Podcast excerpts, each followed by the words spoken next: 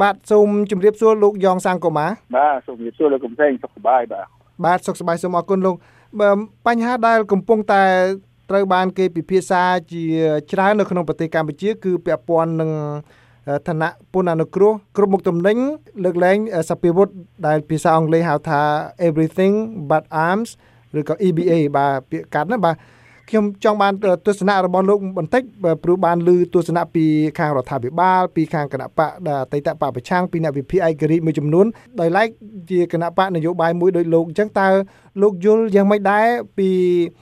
ការដែលសហគមន៍អឺរ៉ុបបានចាប់ផ្ដើមនៅដំណើរការដើម្បីដកយកឋានៈពន្ធអនុគ្រោះនេះពីប្រទេសកម្ពុជាវិញបាទហើយជាពិសេសទៅតើវាមាននឹងផលប៉ះពាល់យ៉ាងម៉េចទៅលើវិស័យកសិកម្មនោះបាទ បាទអរគុណហើយនេះជាធានបត់មួយដែលវាសំខាន់ទីមួយខ្ញុំចង់បញ្ជាក់ថាកំណត់ដើមនៃ ABA ហ្នឹងគឺសហភាពអឺរ៉ុបហ្នឹងគេចង់ប្រើប្រាស់ចំនួនដើម្បីជួយដល់ប្រទេសដែលខៅក្រីក្របំផុតប្រទេស LDC LDC ហ្នឹង Least Developed Country ហ្នឹងកម្ពុជាជាប្រទេសមួយកាលពីមុនគេប្រើច្រើនជួយគេគេប្រើចំនួនជួសឲ្យចំនួនធ្វើម៉េចឲ្យប្រទេសយើងចេះធ្វើ សេដ្ឋកិច្ចធ្វើពាណិជ្ជកម្មដើម្បីបង្កើតការងារដើម្បីបង្កើតប្រាក់ចំណូលដើម្បីរុញសេដ្ឋកិច្ចទៅមុខមកជំនាញទៀតអញ្ចឹងហូតដល់កម្រិតណាមួយបានគេដកអានឹងចេញវិញដែលឡែកសម្រាប់កម្ពុជាយើងហ្នឹង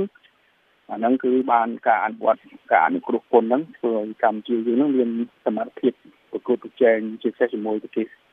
ជិតខាងយើងដូចវៀតណាមថៃអញ្ចឹងនឹងការនាំចេញផលិតផលទៅផលកសិកម្មទៅផលផ្សេងផ្សេងហើយវាតាក់ទាញឲ្យមានអ្នកវិនិយោគទុននឹងមកច្រើនអញ្ចឹង ហើយវាជារឿងមួយសំខាន់បានជួយដល់ប្រទេសយើងច្រើនអញ្ចឹងយើងយល់ឃើញថាជារឿងហ្នឹងវាសំខាន់ហើយយើងទស្សនៈរបស់យើងយើងមិនចង់ឲ្យឃើញមានការដក ABA នឹងចេញពីកម្ពុជាទេហើយណាមួយវាប្រថុយនៅតិចព្រោះកម្ពុជាវាត្រូវការពេលតែទី2ឆ្នាំឬក៏3 4ឆ្នាំទៀតដើម្បីយើងអាចឈរជើងនៅខ្លួនឯងអញ្ចឹងណាដើម្បីឲ្យមានសមត្ថភាពគូប្រជែងវាគូផ្សំនឹងការអន្តរាគមន៍បន្ថែមពីរដ្ឋាភិបាលអញ្ចឹងដើម្បីយើងមានសមត្ថភាពគូប្រជែងអញ្ចឹងជាទស្សនៈរបស់គណៈបព្វជិតកាយមូលដ្ឋានឬក៏ដាក់ពលនឹងផ្ទាល់គឺយើងមិនគ្រប់គ្រងនឹងការដកការអនុគ្រោះពន្ធនឹងទេចុះផលប៉ះពាល់ទៅលើកសិកម្មដោយផ្ទាល់តើមានទំហំប៉ុណ្ណាដែរតាមការតាមដានរបស់លោកពីព្រួយកសិកម្មនាំទៅសហគមន៍អឺរ៉ុបហ្នឹង បើគិតមើលទៅដូចជាមិនទាន់ច្រើនទេបើប្រៀបធៀបជាមួយនឹងផលិតផលដទៃទៀតដែលមានដូចជាខោអាវអីហ្នឹងបាទអឺបើបើនិយាយពីរឿងកសិកម្មវិញវាប៉ះពាល់ធ្ងន់លើកុំផ្សេងទី1ក្នុងវិស័យស្រូវអង្ករទី2វិស័យកស៊ូហើយទី3វិស័យផ្សេងផ្សេងទៀតដូចជាកអំពៅជាដើមប៉ុន្តែអ្វីដែលខ្ញុំចាប់អារម្មណ៍បំផុតគឺវិស័យស្រូវអង្ករអង្ករដែលយើងនាំចេញភាគច្រើនបំផុតហ្នឹងគឺប្រហែលជាងកន្លះលានតោនអង្ករភាគច្រើន គឺទីផ្សារអឺរ៉ុបហើយយើងអាចចូលទីផ្សារអឺរ៉ុបបានដោយសារអឺរ៉ុបជាអត់យកពន្ធហើយបើអឺរ៉ុបយកពន្ធគឺអង្គយើងនាំចេញថ្លៃគឺយើងអាចគូប្រជែងជាមួយថៃវៀតណាមបានទេអញ្ចឹងវានឹងប៉ះពាល់ទៅដល់ទីផ្សារទៅអង្គទាំងប៉ះពាល់ដល់ជីវភាពកសិករហើយអាចធ្វើតម្លៃស្រូវនោះវាថោកអញ្ចឹងហើយធ្វើឲ្យយើងបាត់បង់ធ្វើឲ្យស្រូវនឹងហូរចេញទៅទីចិត្តខាងអញ្ចឹងគឺកិននាំចេញទៅធ្វើឲ្យយើងបាត់បង់ វត្ថុធាតុដើមបាត់បង់ការងារច្រើនវិស័យស្រោនកយើងងើបរួចខ្លាំងដែលយើងនាំចេញបានច្រើននេះគឺដោយសារ ABA នឹងដែរអញ្ចឹងយើងជឿឃើញថាវាប៉ះពាល់ខ្លាំងហើយហើយយើងមិនអាចមានពេលគ្រប់គ្រាន់ដើម្បីធ្វើមិនឲ្យខ្មែរអាចគូប្រជែងជាមួយថៃជាមួយវៀតណាមសូម្បីយើងមាន ABA ឬហើយក៏យើងពិបាកនឹងការប្រកួតប្រជែងដូចហើយចំនួនអត់នឹងទៀតនឹងការប្រកួតប្រជែងយើងកាន់តែលំបាកកាន់តែខ្លាំងអញ្ចឹងជាថ្មីម្ដងទៀតគឺទស្សនៈរបស់យើង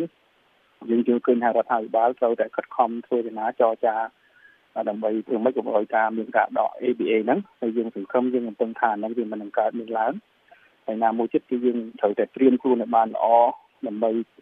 គ្រប់គ្រងដល់កសិករសិទ្ធិករពាណិជ្ជករឧស្សាហករយើងហ្នឹងឲ្យមានសមត្ថភាពប្រកួតប្រជែងជាមួយគេមកឯងព្រោះយើងមិនអាចពឹងពាក់លើ ABA មួយជីវិតទេបាទ បាទលោកមានប្រសាសន៍ពីរឿងដែលការប្រកួតប្រជែងមិនឈ្នះខាងប្រទេសជិតខាងដូចជាវៀតណាមនិងប្រទេសថៃជាដើមក៏ប៉ុន្តែមានផលិតផលស្រូវខ្មែរមួយចំនួនហ្នឹងគឺប្រទេសជិតខាងហ្នឹងទិញយកទៅកិនយកទៅវាយផ្លាកដាក់ថៃឬក៏ដាក់វៀតណាមហើយនាំទៅទៅក្រៅបានបើចាំបានន័យថាបើគុណភាព ដើមស្រូវឬក៏អង្កររបស់យើងគឺมันมันជាអន់ទេมันព្រួយថៃវៀតណាមយករបស់យើងផងតើមានបញ្ហានៅចំណុចកន្លែងណាដែលគួរតែដោះស្រាយដែល ធ្វើឲ្យកម្ពុជាផលិតផលកម្ពុជានឹងមិនមានលក្ខណៈប្រកួតប្រជែងបានជាមួយនឹងប្រទេសជិតខាងហ្នឹងបាទបើយើងនិយាយពីវិស័យស្រូវអង្ករវិញយើងស្អីស្អីក៏ថ្លៃជាងគេដែរអឺបើយើងនិយាយពីរឿងការផលិតថ្លៃជាងគេតាំងពីជីតាំងពីអីចឹងណាប៉ុន្ តែបើយើងនិយាយពីការជីខែឆ្នៃយើងថ្លៃជាងគេតាំងពីអគិសនីតាំងពីកូនទុនការប្រាក់យើងខ្ពស់តាំងពីការដឹកជញ្ជូនតាំងពីការរត់ការនិងការនាំចេញអីចឹងលក្ខណៈអាហ្នឹងទី1ទី2គឺគេមានសមត្ថភាពខ្ពស់ក្នុងការបង្កើនតម្លៃទីហោវៀតណាមអញ្ចឹងគឺកាមគេឆ្នៃទៅគឺជារបស់ផ្សេងផ្សេងទៅឲ្យគេលក់បានថ្លៃជាងយើងថៃក៏ដូចគ្នាដែរហើយយើងឃើញស្រាប់ហើយកន្លងមក ដុំដុំបាត់ដំបងទីជឿកាលពីមុនកាមទុកចោលផងឡូវអាចមានទីផ្សារខ្លះដែរដោយសារថៃយើងវៀតណាមអីចឹងគេទិញណាអញ្ចឹងគេមានសមត្ថភាពខ្ពស់ក្នុងការកែច្នៃដើម្បីរបស់នោះវាទៅជារបស់មានតម្លៃបានលើបាត់កាអញ្ចឹងតែជាចំណេញពីការកែច្នៃអាកាសសំណល់កសិផលហ្នឹងអញ្ចឹងគឺយើងមានរឿងច្រើនដែលត្រូវធ្វើហើយបើយើងខ្មែរយើងមិនព្រមកែលម្អនៅអា របៀបដឹកនាំមិនកែលម្អនៅគោលនយោបាយនៅការគ្រប់គ្រងទៅដល់កសិករសិប្បករពាណិជ្ជករឲ្យមានសមត្ថភាពគប់ចែងទេគឺយើងមានសង្គមតិចណាតែប្រទេសមួយដើម្បីឲ្យមានសេដ្ឋកិច្ចរីកចម្រើនត្រូវយើងមានសមត្ថភាពផលិតខ្លួនឯងឲ្យបានច្រើនមានសមត្ថភាពនាំចេញឲ្យបានច្រើនហើយដើម្បីធ្វើចឹងបានត្រូវយើងមានសមត្ថភាពប្រកួតប្រជែងជាងបើយើងទុកទីផ្សារសហគមន៍អឺរ៉ុបនឹងមួយឡែកយើងក៏លេចមើលនៅទីផ្សារអាស៊ីវិញ ជាពិសេសដូចជាជប៉ុនដូចជានៅចិនអីដែលកម្ពុជាមានទំនាក់ទំនងល្អតើផលិតផលកសិកម្មរបស់ខ្មែរជាពិសេសអង្គរហ្នឹងអាចនាំទៅទីផ្សារទាំងអស់នោះបានដោយគ្មានការរារាំងទេបាទទីមួយជប៉ុនគឺគេបិទទីផ្សារអង្គរព្រោះជប៉ុនការពារកសិករអញ្ចឹងក៏ខ្មែរមិនអាចចូលជប៉ុនបានលើកលែងតែគេអឺធ្វើការទិញអីក្នុងករណីចាំបាច់នឹងតិចតួចទៅណាមួយជាងជប៉ុនគេនិយមហូបអង្គរគាត់ខ្លីថាជប៉ុនកា ទីទី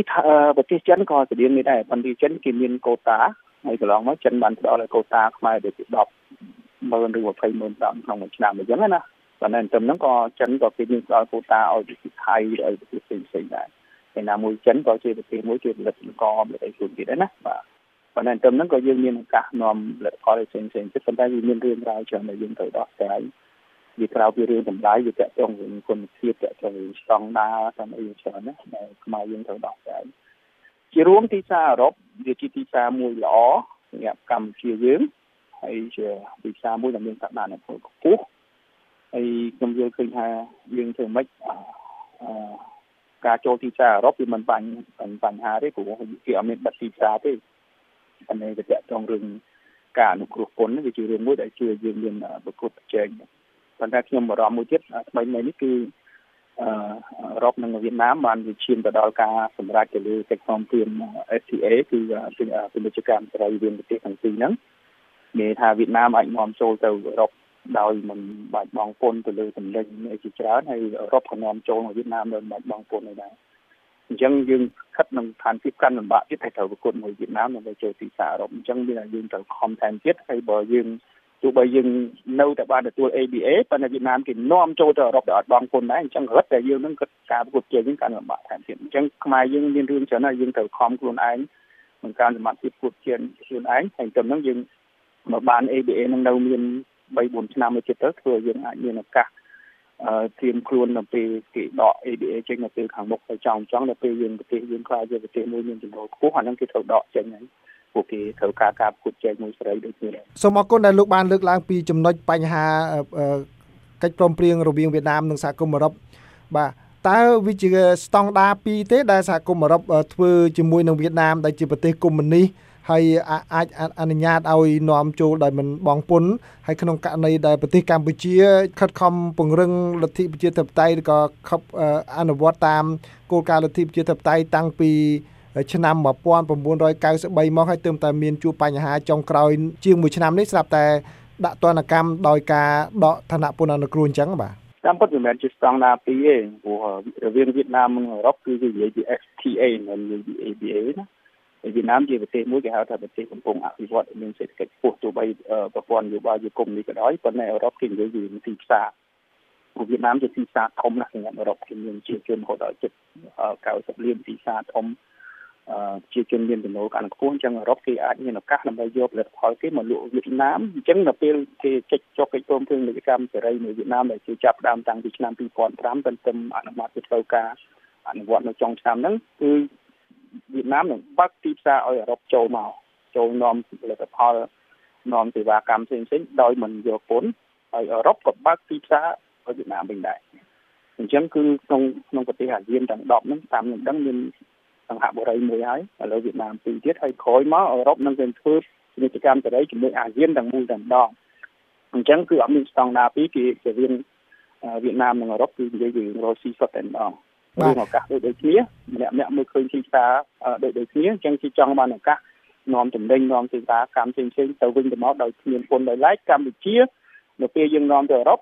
អឺរ៉ុបគេអត់យកពន្ធប៉ុន្តែអឺរ៉ុបនាំចូលមកយើងគឺយើងយកពន្ធ ចឹងហ្នឹងវាវាមិនមែនជាពាណិជ្ជកម្មសេរីប៉ុន្តែអឺរ៉ុបគេអនុគ្រោះឲ្យយើងគេអត់យកពន្ធពីយើងប៉ុន្តែគេឲ្យយើងយកពន្ធពីគេប៉ុន្តែវៀតណាមគឺអត់យកពន្ធពីគ្នាទៅវិញទៅមកបាទបាទបាទអ្វីដែលខ្ញុំចង់និយាយថាស្តង់ដារ2នេះគឺសំដៅទៅលើប្រព័ន្ធនយោបាយដែលមួយខាងគឺផ្ដោតទៅលើពាណិជ្ជកម្មទាំងស្រុងមួយខាងគឺផ្ដោតទៅលើបញ្ហាសិទ្ធិមនុស្សផងដែរពីព្រោះនៅក្នុងអ្វីដែលជាការទៀមទារបស់សហគមន៍អឺរ៉ុបនោះគឺឲ្យមានការបើកចំហ ទស្សនវិជ្ជានយោបាយសម្រាប់គណៈបកប្រឆាំងហើយនឹងដល់លែងលោកកឹមសុខាជាដើមយោបល់របស់លោកវិញតើត្រូវដោះស្រាយបញ្ហាយ៉ាងម៉េចដែលលោកតែងតែលើកឡើងពី3ដងថាឲ្យជៀសវាងជៀសវាងកុំឲ្យមានការដក EBA នៅពេលឥឡូវនេះតើលោកគួរយោបល់លោកថាគួរតែធ្វើយ៉ាងម៉េចវិញដើម្បីជៀសវាងកិច្ចការនេះបានបាទបាទព្រោះនៅក្នុង EBA ហ្នឹងដើម្បីឲ្យអឺរ៉ុបអនុគ្រោះ ពន្ធក្នុងការនាំចូលគេគេហ្នឹងវាមានលក្ខខណ្ឌក្នុងមានមានមាត្រាមួយទាក់ទងពីការរឿងគោរពសិទ្ធិមនុស្សគោរពសេរីភាពនយោបាយសិទ្ធិកម្មករជាដើមណាអាហ្នឹងគឺជាលក្ខខណ្ឌ9អ្នកឯងមកធ្វើតាមខ្ញុំអញ្ចឹងបានខ្ញុំឲ្យអ្នកឯងចូលទៅជំនាញចូលប្រទេសខ្ញុំដោយអត់យកពន្ធអាហ្នឹងគឺអាហ្នឹងគឺជាលក្ខខណ្ឌដែលជាបានចែងច្បាស់តាំងពីដើមទី អញ្ចឹងបើយើងចង់ឲ្យយើងមានការអនុគ្រោះពន្ធពីអឺរ៉ុបបន្តទៀតហើយដើម្បីជួយសេដ្ឋកិច្ចយើងទៅមុខអាហ្នឹងយើងត្រូវតែធ្វើតាមគេអាហ្នឹងបាទយើងត្រូវចរចាធ្វើតាមគេហើយយើងត្រូវនិយាយមួយគឺត្រង់ត្រង់ថាឥឡូវយើងត្រូវកម្ពុជាត្រូវកែលម្អឲ្យខ្លះរួមទាំងការដោះលែងអ្នកទស្សនយោបាយផ្ដល់សេរីភាពនយោបាយពេញលេញអញ្ចឹងអាហ្នឹងបើយើងបើយើងយល់ឃើញថាយើងត្រូវការនឹងចាំបាច់អានឹងសំខាន់សម្រាប់ប្រទេសជាតិអីចឹងអ្នកប្រទេសជាតិយើងត្រូវតែធ្វើតាមគេហើយ អ្នកនយោបាយទាំងអស់យើងត្រូវគិតផលប្រយោជន៍ជាតិជាធំហើយយើងត្រូវដោះស្រាយបញ្ហានេះដើម្បីជួយសេដ្ឋកិច្ចជាតិប្រយោជន៍យើងមុខទៅខ្មែរយើងរងគ្រោះវាគ្រប់គ្រាន់ហើយយើងក៏ជាប់ទទួលរងទណ្ឌកម្មសេដ្ឋកិច្ចតាំងពីទសវត្សរ៍80អីចឹងអញ្ចឹងវាយើងគួរថាកុំឲ្យរឿងអតីតកាលនោះកើតឡើងមានដល់មុខទៀតយើងត្រូវរួមមាននៅកម្ពុជាទៅមុខបាទបាទសូមអរគុណលោកយ៉ងសាំងកូម៉ាដែលជាប្រធានគណៈកម្មាធិការនយោបាយនៃគណៈបកប្រជាធិបតេយ្យមូលដ្ឋានសូមអរគុណសូមជម្រាបលាលោកបាទបាទសូមអរគុណសូមជម្រាបលាបាទ